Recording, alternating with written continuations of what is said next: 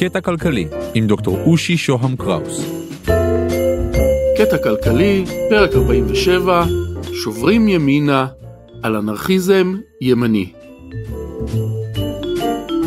בדרך כלל כשמדברים על אנרכיזם, חושבים על הצד השמאלי של המפה הפוליטית-כלכלית. וזה נכון, רוב האנרכיסטים הידועים כמו בקונין, קרפוטקין, פרודון, לנדאואר ובובר מחזיקים בדעות קומונליות כאלה או אחרות וטוענים שבאמצעות מבנים של פדרציות שונות ניתן לייצר חברה חופשית. אבל אנחנו הולכים עכשיו בדיוק לצד השני, לאנרכיזם ימני, לאנרכו-קפיטליזם.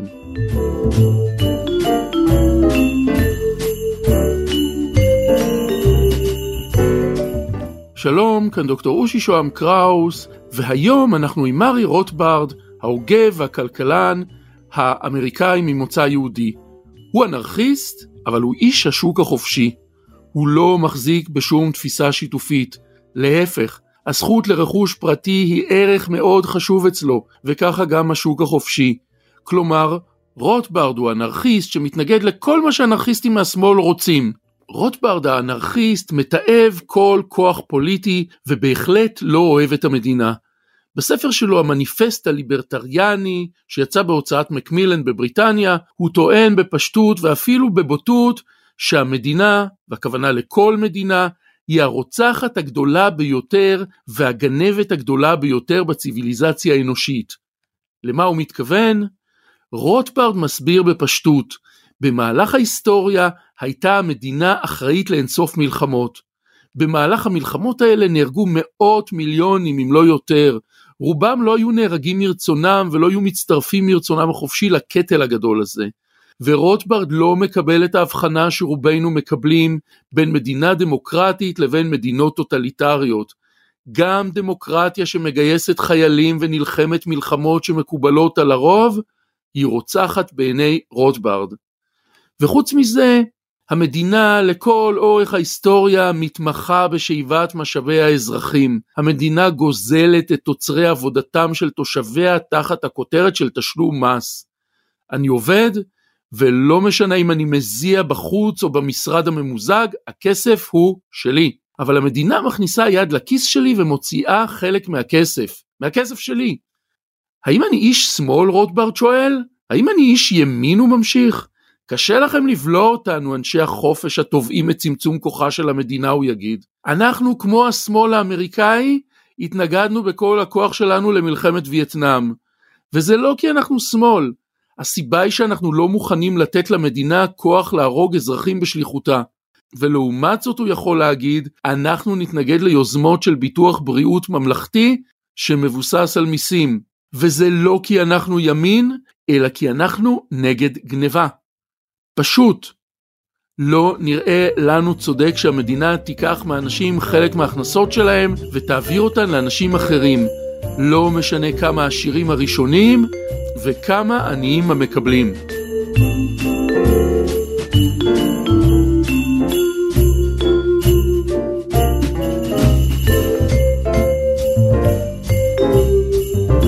רוטברג לא מדבר באוויר, יש לו טיעונים פילוסופיים רציניים. והטיעונים האלה מסתובבים בסביבה של שלושה הוגים ליברליים חשובים.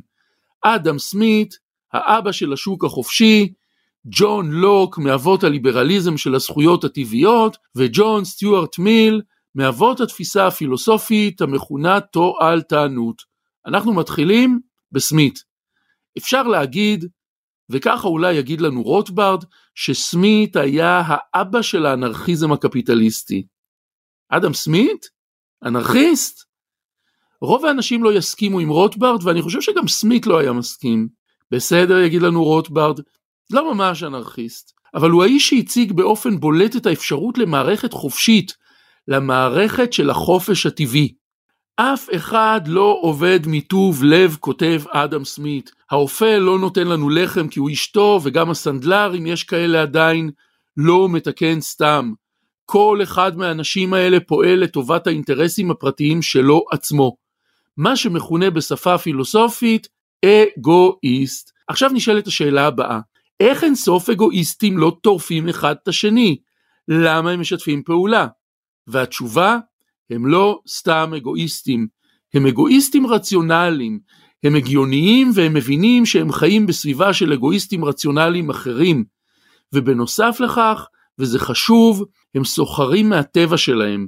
מסחר זה מה שהם אוהבים ויודעים לעשות. ואיך כל זה מביא ליצירת שוק מתפקד? באמצעות מנגנון התחרות שבשוק ושיווי המשקל.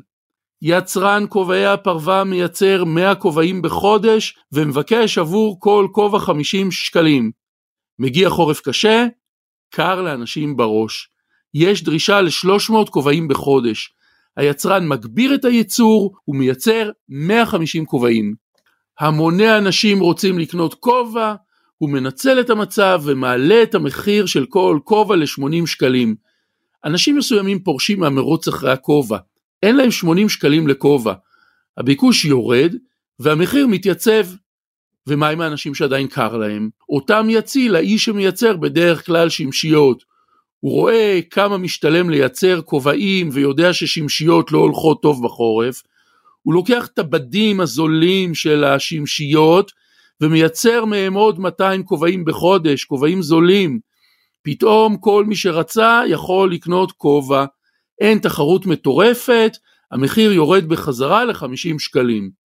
אז מה קרה כאן? יש פחות שמשיות כי לא צריך אותן, יש יותר כובעים כי צריך אותם, יש פחות או יותר מספיק כובעים לכל מי שרוצה, ובדיוק במחיר שכל אחד יכול ומוכן לשלם עבור כובע. נוצר שיווי משקל, ומי ניהל את התהליך הזה? אף אחד. רק אינטרסים עצמיים של כל אדם שרוצה למקסם את הרווחים שלו ואת התועלת שלו. במקום היד החזקה של השליט החזק שמנפיק צווים לניהול מערכת מחירים, יש כאן, ככה אומר אדם סמית, יד נעלמה, זאת מטאפורה. יד נעלמה שמסדירה את העניינים בלי שום התערבות מבחוץ, והיא פועלת באמצעות שיווי משקל, שיוויי משקל, בדיוק כמו שיווי המשקל בייצור הכובעים. בהתחלה היה שם מצב זמני של מחסור ועלייה של מחירים, ואחר כך זה נעלם. וככה אף אחד לא מנהל את זה, זה מתנהל לבד מעצמו.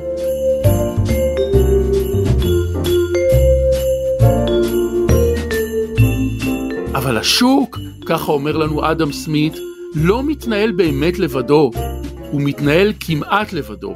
כמעט מפני שסמית בכל זאת חושב שלמדינה יש תפקיד מאוד משמעותי במערכת השוק החופשי. המדינה, ככה הוא אומר, צריכה לטפל באזורים שונים של החברה ושל הכלכלה, שבהם השוק החופשי לא מתפקד. למשל בחינוך, בביטחון, בתשתיות, כבישים, ביוב. אם נחכה שהשוק החופשי יפעל לייצר את אלה, נחכה הרבה.